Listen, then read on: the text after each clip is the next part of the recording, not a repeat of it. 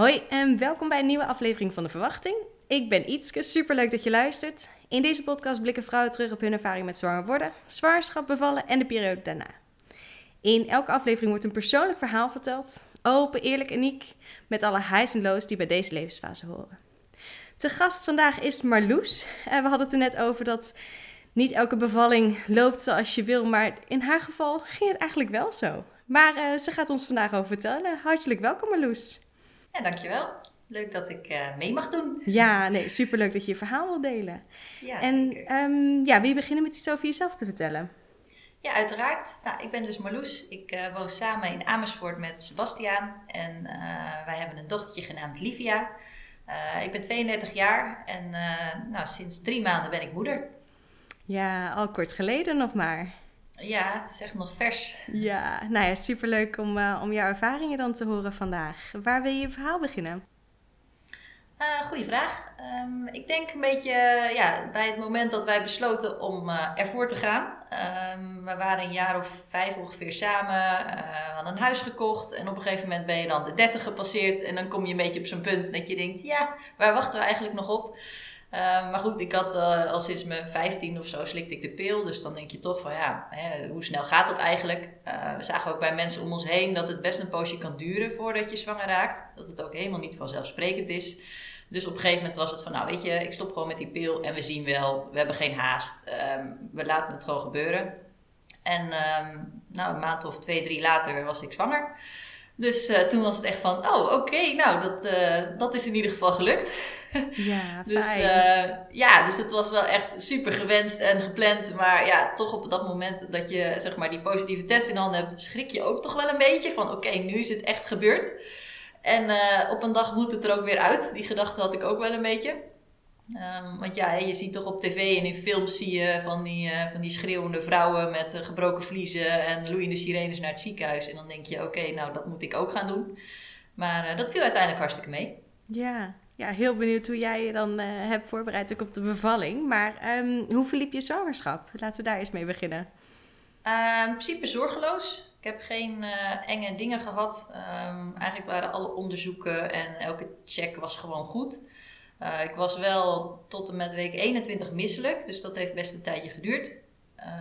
Dat was vervelend. En toen was dat voorbij en toen kreeg ik last van mijn onderrug. En dat zette uiteindelijk door in bekkenpijn.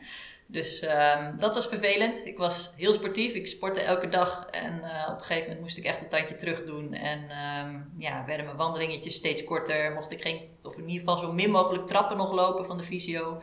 Dus uh, dat was wel balen. Ja. Maar verder, ja, de baby was blij. Ik voelde haar goed. Uh, ze groeide goed. Um, ja, dat ging gewoon allemaal super. Dus ik kijk toch terug op een hele fijne zwangerschap, zeker. Oh, fijn. En je had dus ook ja. al hulp gezocht bij, bij je bekkenklachten? Ja, zodra ik eigenlijk nou, die, on, die, ja, die pijn in mijn onderrug, dat ging nog wel. Toen heb ik een beetje van die uh, yoga oefeningen via YouTube gedaan. Want het was coronatijd, dus je kon nergens uh, zwangerschapsyoga doen. Um, maar dat hielp allemaal niet zo. Dus toen ben ik eigenlijk snel wel naar de fysio gegaan.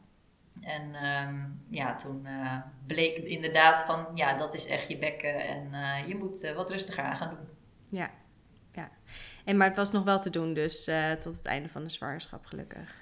Ja, de laatste weken was zelfs een rondje door de buurt al bijna te ver. Mm. Dus uh, dat was wel echt jammer. Maar ja. dan denk je, nou, ik heb verlof, ik, het is lekker weer, ik ga wel in de tuin zitten. Maar het was helemaal geen lekker weer begin mei, het was alleen maar aan het regenen. Dus uh, nou, toen heb ik denk ik nog een paar boeken erbij gelezen over uh, zwangerschap en bevallen. Dus ik was in ieder geval goed voorbereid. Ja, ja want hoe keek je? Je zei inderdaad, we, we hebben vaak vanuit tv en films en zo best wel uh, pittige beelden van veel drama en, en geschreeuw en, en uh, spanning en sensatie met zo'n bevalling. Maar hoe keek jij er uiteindelijk dan naar? Wat, uh, wat heb je gedaan ter voorbereiding? Nou, ik heb in die negen maanden, of nou ja, je bent natuurlijk bewust zwanger, zeven en halve maand of zo. Um, heb ik echt een transformatie doorgemaakt van, oh shit, ik moet natuurlijk ook nog gaan bevallen, naar ik heb er zin in. Omdat wow. ik ja, ik ben me echt heel erg gaan verdiepen in het proces en in wat ik kon verwachten, wat de opties waren, uh, hoe, hoe je het kan aanpakken. En eigenlijk door alle informatie die ik tot me nam, besloot ik ook, of ja, ontdekte ik ook van joh, het is een prachtige uh, ervaring ook, waarbij je als vrouw enorm in je kracht kan staan. En ja, je kunt het ook, want je bent vrouw en je bent er in principe voor gemaakt. Dus ja, je moet er niet met angst naar kijken, maar meer met gezonde nieuwsgierigheid. En, ehm, en dan maar zien wat er gebeurt. Ja, nou, een hele mooie instelling lijkt me. Ja, cool. En wat voor boeken en wat voor dingen hielpen bij, uh, bij die zoektocht? Uh, ik ben uh, op aanraden van mijn beste vriendin ben ik heel snel begonnen in Mammen van Nina Pierson. Dat was echt een, ja, een boek over hoe jij als vrouw vooral een transformatie naar moeder doormaakt. Um, het boek Positief over bevalling was ook echt een soort van bijbel van, nou ja, je kan het en je gaat het gewoon doen. Uh, maar ook bijvoorbeeld het boek How About Mom vond ik mooi. Um, daar heb je ook een hele fijne app van trouwens. Ja. En um, uiteindelijk ook bijvoorbeeld uh, meer in, aan, of in aanloop naar de periode daarna het boek Positief over borstvoeding heb ik ook gelezen. Uh, verder heb ik podcast geluisterd, waaronder die van jou en die van Nina ook. Um, en wat vooral heel fijn was, is dat ik een cursus over mindful bevallen heb gevolgd. Uh, dat was van een uh, oud verloskundige die uh, ja, heel veel jaren in het ziekenhuis als klinisch verloskundige had gewerkt.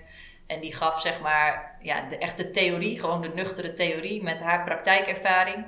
In combinatie met mindfulness. Dus ja, vooral ontspannen, goed op je adem letten. En maar ook vooral accepteren dat het komt zoals het komt. Dat je echt een, een plan mag maken of een wensenlijstje meer. Maar ja, dat uiteindelijk het ook helemaal anders kan lopen. Maar dat je dan nog steeds opties hebt om nog steeds in je kracht te staan. En nog steeds het deels te doen op de manier zoals jij dat wil. Ja, dus een hele mooie combinatie inderdaad. Hoe heette die cursus, weet je dat nog? Um, Margot Bevalt. Margot Bevalt. Zij, ja, zit in Amersfoort. Ja, maar dan zet ik die even in de show notes als, uh, als tip vanuit jouw ja, kant. Echt, echt een aanrader. En, um, en want daar zaten dus ook vrouwen in de groep die um, al eerder waren bevallen, waarbij het dus allemaal niet zo soepel was gegaan. En ja, die hadden gewoon de tweede keer dus ook een veel fijnere bevalling. Gewoon puur om er wat meer open-minded naar te kijken en te accepteren van oké, het loopt nu anders. Nou ja, dan heb ik nog steeds opties. Of ik weet nu in ieder geval van, oh ja, het loopt nu anders. Dat betekent dat dat dit het gevolg kan zijn. Of dat dit er gaat gebeuren. Of ja, zeg maar, ja, die informatie was gewoon heel prettig, vonden wij. Ja, ja, ja. super. En wat voor wensen had je voor je bevalling? Um, nou, thuis. Dat was echt een hele duidelijke wens. Ik, um, wij waren nog niet heel lang geleden verhuisd. We wonen ongeveer anderhalf jaar in dit huis. En nou ja, we woonden eigenlijk net en toen uh, kwam corona. En daardoor was ik heel veel thuis. Ik werkte ook thuis. Dus ik zat helemaal in mijn bubbel thuis. Dus ik voelde me gewoon heel lekker thuis. Dus ik dacht, ja, die bevalling moet ook gewoon thuis. Alles moet thuis. Dus um, dus ja, wel goede gesprekken ook over gehad met Sebas. Want Sebas is arts. En ja, van artsen is bekend, die gaan liever naar het ziekenhuis. Want die hebben allemaal tijdens hun opleiding niet de leukste bevallingen gezien. En die vertrouwen het niet thuis. Maar hij ging daar eigenlijk heel goed in mee. Hij, ja, we praten er gewoon heel veel over. En hij zei ook van, ja, weet je, jij moet doen wat, wat ja, voor jou goed gaat werken. En ik ben er voor je en we gaan het gewoon samen doen. Dus ja, we waren eigenlijk redelijk snel van overtuigd van, we gaan voor het plan thuis. Um, ik wilde ook heel graag in een bevalbad bevallen. Um, ja, natuurlijke pijnstilling, uh, ja, in bad lekker ontspannen. Helemaal aan het einde ontdekte ik dat het zo'n goed idee was, dus vanwege mijn bekkenklachten. Omdat ik in dat bad veel makkelijker van houding kon wisselen en gewoon daar amper last van had. Dus dat uh, ja, vrouwen die bekkenklachten hebben, overwegen bad. Ja, mooie tip. Uh, ja, en verder um, ja, we hadden, of ik had een verloskundige die rouleerde met z'n vieren, geloof ik. Zeg maar. We hadden dan een team. En ja, elke keer had je een ander. En tijdens je bevalling moest je maar zien wie er dienst had. Um, en ik heb daar ook Centering Pregnancy gevolgd. Maar een, groepje met vrouwen die rond dezelfde tijd uitgerekend zijn. En daarmee heb je dan elke keer controles. En bespreek je ook uh, alles wat er komt kijken bij je zwangerschap, bevalling en de kraamtijd. En dat werd begeleid door Noortje. En Noortje was dus een van die, uh, van die verloskundigen. Dus ik hoopte dat zij erbij zou zijn, want haar kende ik het best. Maar ja, het was een kans van uh, 1 op 5. Dus dat, uh, die kans was niet zo groot. Maar toen ik 40 weken zwanger was, toen had ik mijn controle bij Noortje. En toen grapte ze een beetje van, nou, als je nou dit weekend bevalt, dan heb ik dienst. Dus zei ik, nou ja, oké, dat het staat al in de agenda. Dus zei ze, oh, zo. Want ze had eerder verteld dat zij uh, had uitgerekend bij hun praktijk dat het jaar ervoor uh, vrouwen die voor het eerst bevielen gemiddeld rond de 40 weken en drie dagen bevielen. Dus wij hadden in de agenda staan van nou, dan, bevalt ze op, of dan beval ik op 15 mei, want 12 mei was ik uitgerekend. Dus nou, daar hadden we wel lol met z'n tweeën. En uh, uiteindelijk had zij dus ook dienst op de dag dat ik beviel. Dus uh, dat was wel heel leuk. Dat was ook een uh, wens die in vervulling ging dat zij erbij was. Ja, super fijn. En je kindje was dus gewoon netjes op de geplande datum. Niet op de uitgerekende, maar wel op de verwachte datum ja, gekomen. keurig, keurig. Sindsdien volgt ze niet echt meer een schema. Maar toen was ze nog heel erg van de agenda. Ja. oh ja, heerlijk. Um, en hoe kondigde de bevalling zich aan? Um, ik had al een paar dagen een beetje harde buiken s'avonds, terwijl ik dat eigenlijk gedurende de zwangerschap amper had. Um, en we zaten een film te kijken op de bank op vrijdagavond. En toen dacht ik wel van, nou, die harde buiken zijn wel weer ietsje minder comfortabel dan gisteren.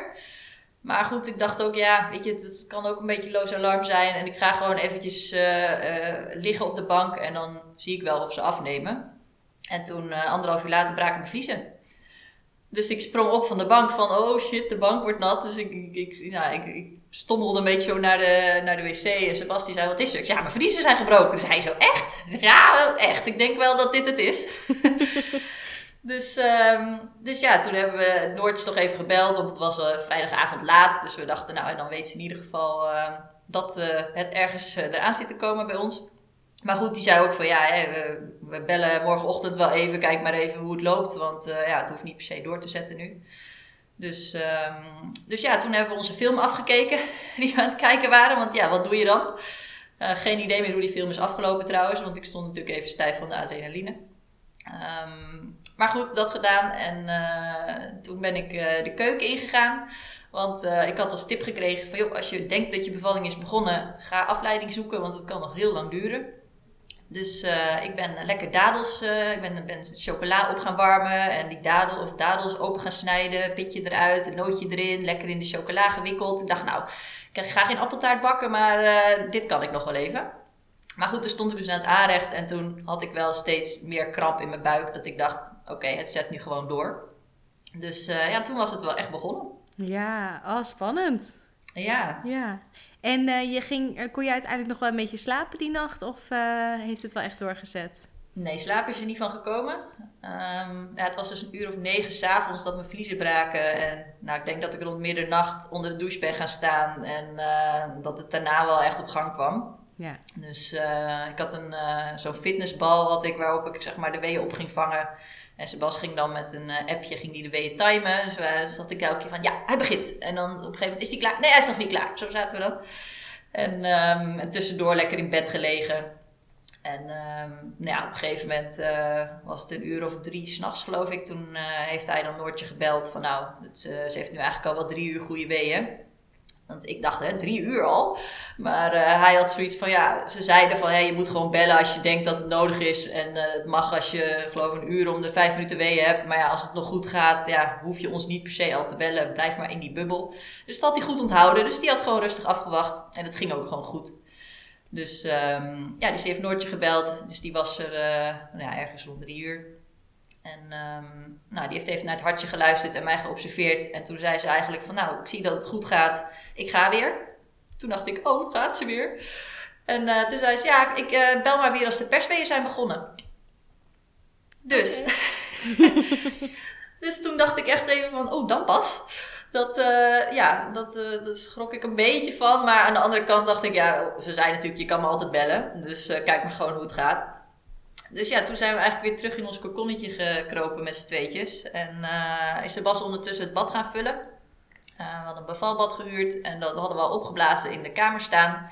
Dus uh, hij hoeft hem eigenlijk alleen nog maar te vullen. En ehm, uh, mijn beste vriendin is met kerst bevallen. Dus die ehm, hadden het, eigenlijk hetzelfde scenario. En die kwamen er halverwege achter dat de boiler leeg was. Dus dat het bad koud was. Ah. Dus daar hadden wij heel erg om gelachen met z'n vieren. Van nou, dat overkomt ons dan niet. Maar goed, je raadt het al. het bad was vol en het was niet heel erg warm geworden. Het, uh, er stond blijkbaar in de gebruiksaanwijzing dat dat wel drie uur duurde. Dus hij had gewoon die slang in, in het bad gelegd en was bij mij weer in bed gaan liggen. En toen na een uur bleek het bad al vol en de boiler leeg. Dus uh, nou ja, toen hoorde ik hem dus vervolgens eh, beneden water koken en met emmertjes lopen en zo. En ik, nou, ik wist wat er aan de hand was en ik dacht, oké, okay, prima, geef niks. Ik hou het nog wel even vol in bed. Dus uh, zo hadden we allebei eigenlijk gewoon een taak. En uh, ja, ging dat eigenlijk ook nog gewoon heel soepel. En op een gegeven moment was het bad klaar en toen kon ik lekker in bad. Ja, en hoe voelde dat? Ja, dat was lekker. Het was lekker om zo dat warme bad in te glijden. Ehm, en vooral ook, ja, toen dacht ik van, oh ja, ik moet goed van houding wisselen, want dat is uh, goed voor het indalen. Dus ik heb van alles geprobeerd, op mijn knieën, op mijn hurken, uh, leunend over de rand, zittend tegen de rand, nou, noem het maar. Uh, ik ben het bad ook niet meer uitgegaan. Um, en ja, dus dat was wel, wel fijn, maar daarna werd het ook wel meteen heel pittig. Um, ik denk dat, nou ik weet niet meer precies hoe lang het toen duurde voordat de perswee begon. Nou, dat duurde nog wel even. Op een gegeven moment had ik wel echt zoiets van, het wordt nu wel echt heel zwaar. Um, ik, ik twijfel of ik al persweeën had, want ja, ik deed het voor het eerst, dus ik wist natuurlijk niet per se hoe dat dan zou moeten voelen. Um, maar op een moment dacht ik, nou, ik zeg gewoon tegen Sebas dat ik perswee heb, want dan gaat die Noortje tenminste bellen. En dat deed hij dus ook inderdaad. Dus Noortje kwam en die vroeg van, ja, hoe gaat het? Zei, nou, ik twijfel eerlijk gezegd of dit al persweeën zijn. Toen zei ze, nou, dan zijn ze het waarschijnlijk nog niet. Maar ik zei wel, ik hoop dat ik er bijna ben, want dit, uh, dit stuk is pittig. En, um, en ik wist ook van mijn cursus dan van Margot van, uh, ja, dat heet niet voor niets de wanhoopfase. Zij noemde het uh, de hou vol, je bent er bijna fase. Dus dat heb ik nog een beetje in mijn oren proberen te knopen. En, um, en ja, toen op een gegeven moment uh, ja, begon mijn lijf eigenlijk als vanzelf te persen. En toen dacht ik, dit is het dus. Geen twijfel dus ja, mogelijk, dit waren de perswezen. Nee, nee dat, ja. was echt, dat was echt heel duidelijk. Dus toen ging het echt beginnen. Ja, en heb je op intuïtie geperst met de, met de WME of hoe, hoe ging dat? Ja, ja, Noortje die was uh, eigenlijk de hele bevalling heel erg op de achtergrond. We hadden ook afgesproken voor joh, uh, bijvoorbeeld ontsluiting checken. Ja, ik zei het mag, maar ik hoef het zeg maar niet te weten, want het zegt me niet zoveel. Want uh, ik, ik had ook al gehoord van, er was recent onderzoek dat het eigenlijk niet zoveel zegt. Zeg maar, ja, of in ieder geval hoeveel tijd je van 8 naar 10 kan gaan. Kan heel lang duren, kan ook heel kort duren. Uh, dus ik dacht, ik hoef het gewoon niet te weten. Laat me maar weten of het progressie is. Uiteindelijk hebben ze dat helemaal niet gecheckt. Want ja, Noortje zei gewoon, ja, ik zag jou en het ging gewoon goed. En uh, ja, ik hoefde dat gewoon niet te doen. Um, en zo ging het dus eigenlijk ook met het persen. Ze zei op een gegeven moment gewoon van, joh, als je het voelt, mag je, mag je meepersen. Kijk maar. Dus uh, ja, ik ben gewoon mijn lijf daarin gevolgd. En uh, ja, ben een beetje gaan helpen. Ja. Kon je gelijk ja. voelen waar je naartoe moest persen? Ja, ja, dat ging heel natuurlijk. Ik heb uh, ja, geen twijfel over gehad. Nee. Fijn, lekker. En hoe ging het persen voor je? Ja, dat was pittig. Ik, uh, tot dan toe had ik eigenlijk gewoon heel goed ja, zeg maar in mijn focus gezeten. Ik had ook mijn eigen Spotify playlist gemaakt. En ik was gewoon helemaal van oké, okay, mijn sfeertje was goed. En ik zat gewoon in mijn bubbel. Sebas gaf me af en toe een stukje banaan of een slokje drinken. En meer hoefde er niet. Maar in die persfase werd ik wel ook heel alert en uh, dacht ik wel echt van oeh, dit wordt, dit wordt zwaar. Um, ik heb ook ruim een uur wel geperst en ik had gewoon ja, heel veel last van mijn onderrug tussen de weeën door. Dus waar ik eerst gewoon lekker op die muziek ging focussen en, en weer heel erg ontspannen kon tussen de weeën door, ging dat in de persfase niet zo goed meer. Dus nee. dat was wel zwaar. Ja. ja. Had je ook wat aan tegendruk of iets anders uh, qua tools om daarmee om te gaan? Mm, nee, hebben we niet zo gedaan. Ik heb echt vooral gewoon uh, dat bad en die houdingen gebruikt. Ja. Maar verder, uh, nee, het was, het was echt een beetje hands-off allemaal eigenlijk. We hebben echt, uh, ik, ik hoorde wel gewoon dat, dat Sebas er was, dat Noortje er was. Of Sebas die zat lekker achter mij met zijn armen om me heen, dus dat was heel fijn. En Noortje zat ergens, ik weet niet, ik had mijn ogen dicht, ik heb haar niet gezien. Maar die zei gewoon af en toe van, hey, het gaat goed en rust maar even uit en een beetje zo. En verder ja, heb ik het gewoon uh, toch op, grotendeels op eigen kracht gedaan toen, ja. Ja, ja supergoed. En hoe, uh, hoe werd je, je kindje geboren? Hoe ging dat? Ja, dat was ook nog wel bijzonder, want op een gegeven moment um, nou ja, staat het hoofdje, het was het hoofdje geboren. En toen zei Noortje van, nou, je, je kunt het aanpakken. Maar toen voelde ik, en toen dacht ik, ja, maar ik voel alleen een hoofd. Dus moet ik er nou aan de hoofd eruit trekken? Hoe gaan we dat nou doen? Um, dus dat ging niet echt. Dus toen heeft Noortje toch geholpen. En uiteindelijk ja, was later ook wel gebleken dat ze best nog even geholpen moest om die laatste draai te maken. Dus toen, um, dus we hebben het ook gefilmd. Dus je ziet ook echt dat, uh, dat zij even ja, Livia bij de schouders pakt en uh, nog helpt te draaien. En daarna gaf ze, gaf ze de baby aan mij en uh, toen lag ze opeens op mijn borst. Ja, oh wat mooi. Ja, ja. En konden jullie lekker even blijven zitten of zijn jullie op bed gegaan daarna?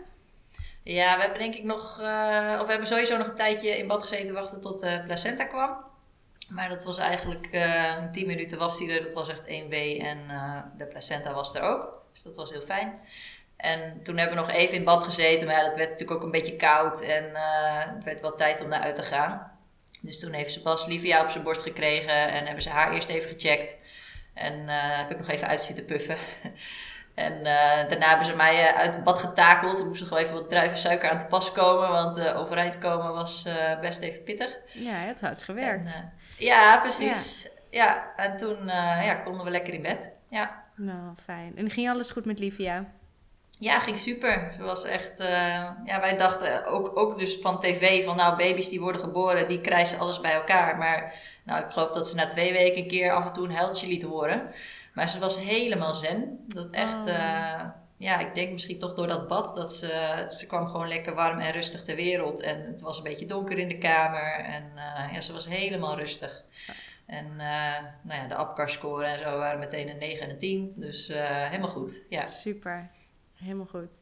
En um, je wilde graag borstvoeding geven, zei je. Klopt. Ja, hoe ging dat? Ja, dat was ook nog wel, uh, ging op zich helemaal goed, maar vond ik toch ook best wel pittig.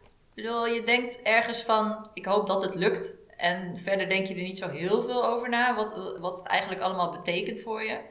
Um, dus ik vond vooral in het begin gewoon, zeg maar, dat ze aanhapte, vond ik heel pijnlijk. En nou ja, op een gegeven moment krijg je natuurlijk stuwing. En nou, was allemaal best even slikken.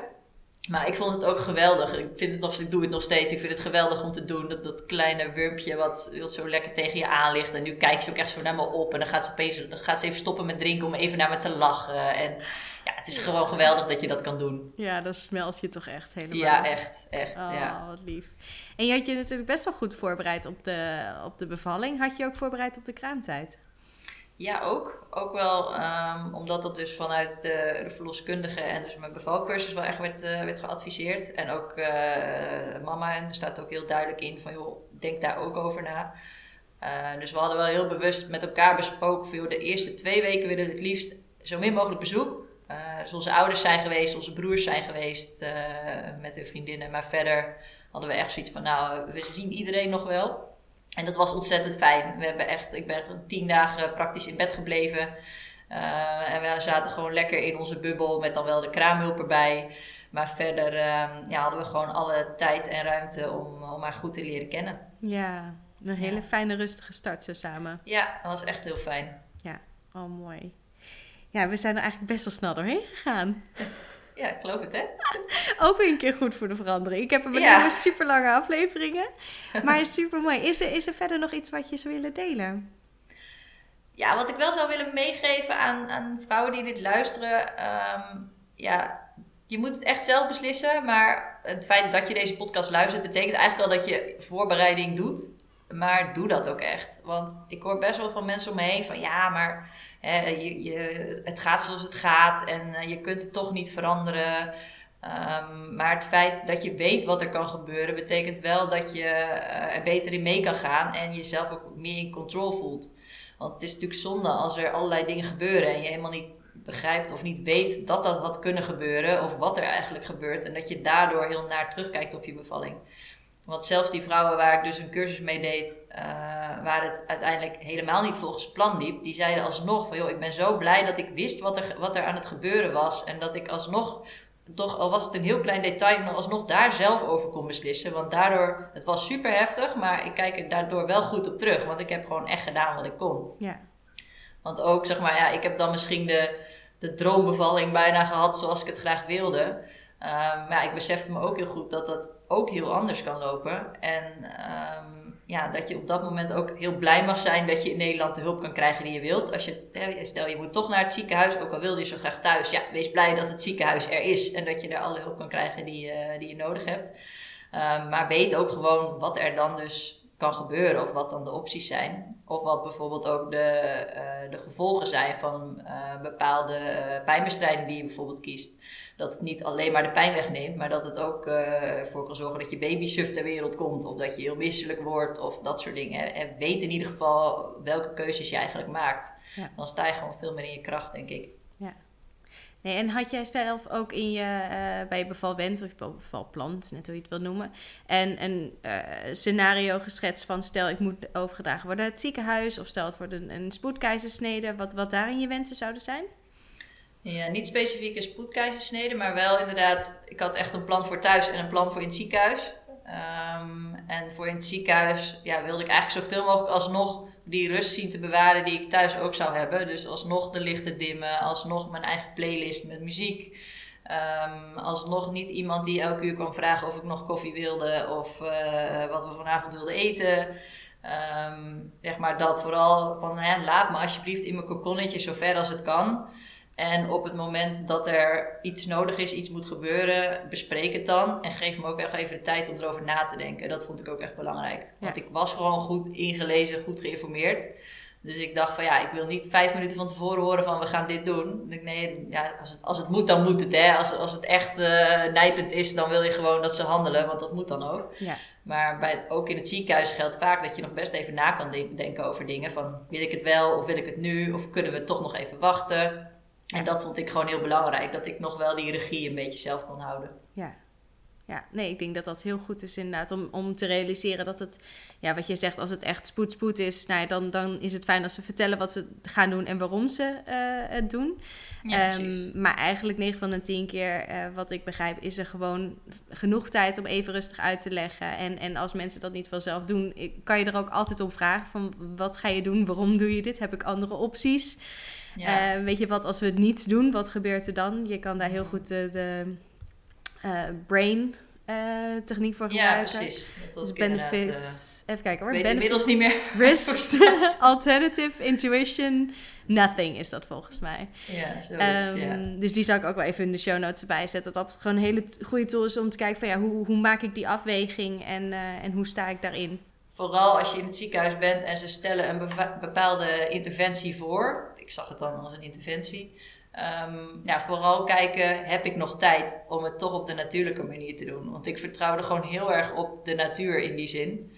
Um, terwijl ja, de natuur sommige mensen niet gunstig gezind is. Want ja, als je kind uh, overdwars ligt of weet ik veel wat, ja, dan gaat het gewoon lastig. En dan ben je super blij dat je de hulp kan krijgen die je nodig hebt.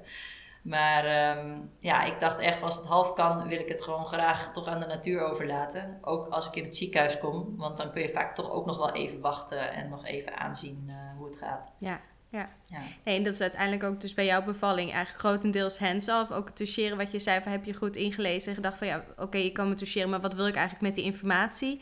Als ja. iemand zegt, je bent nu zoveel centimeter, ja, uh, betekent dat dat je nog, uh, weet je, gaan we vanuit van een, een centimeter per uur. Dus zoveel uur nog. En wat dan als het langer duurt en wat dan als je ineens van 4 tot 10 gaat in twee uur tijd. Um, ja. Dat kan natuurlijk ook. Dus wat wil je met de informatie van um, zo'n zo'n ja, toucheermoment? Ja, we hebben zelfs één moment in de bevalling gehad zeg maar dus een beetje aan het eind van die wanhoopsfase, dat Sebas ook aan mij zag van oké, okay, ze heeft het nu wel echt zwaar.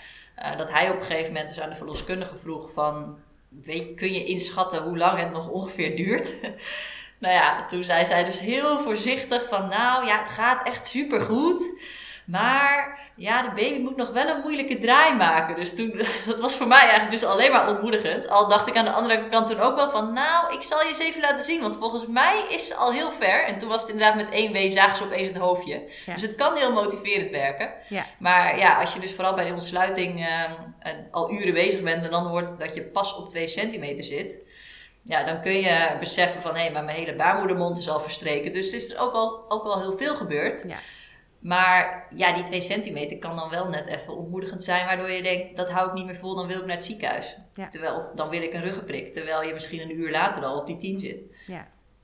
Nee, dat is dus het lastige, dat weet je niet. En, nee, uh, nee. En als ik zo hoor, was jij best uh, goed contact met in je lichaam van, nou, volgens mij zijn we er al bijna. Dus het is, het is ja. heel pittig, maar volgens mij is dat die fase waar Margot het over had. Ja. Van uh, de, de transitiefase eigenlijk, net precies. voordat de persfase begint. Ja. Ja, cool. Nou ja, ontzettend bedankt voor het delen van je verhaal. Graag gedaan.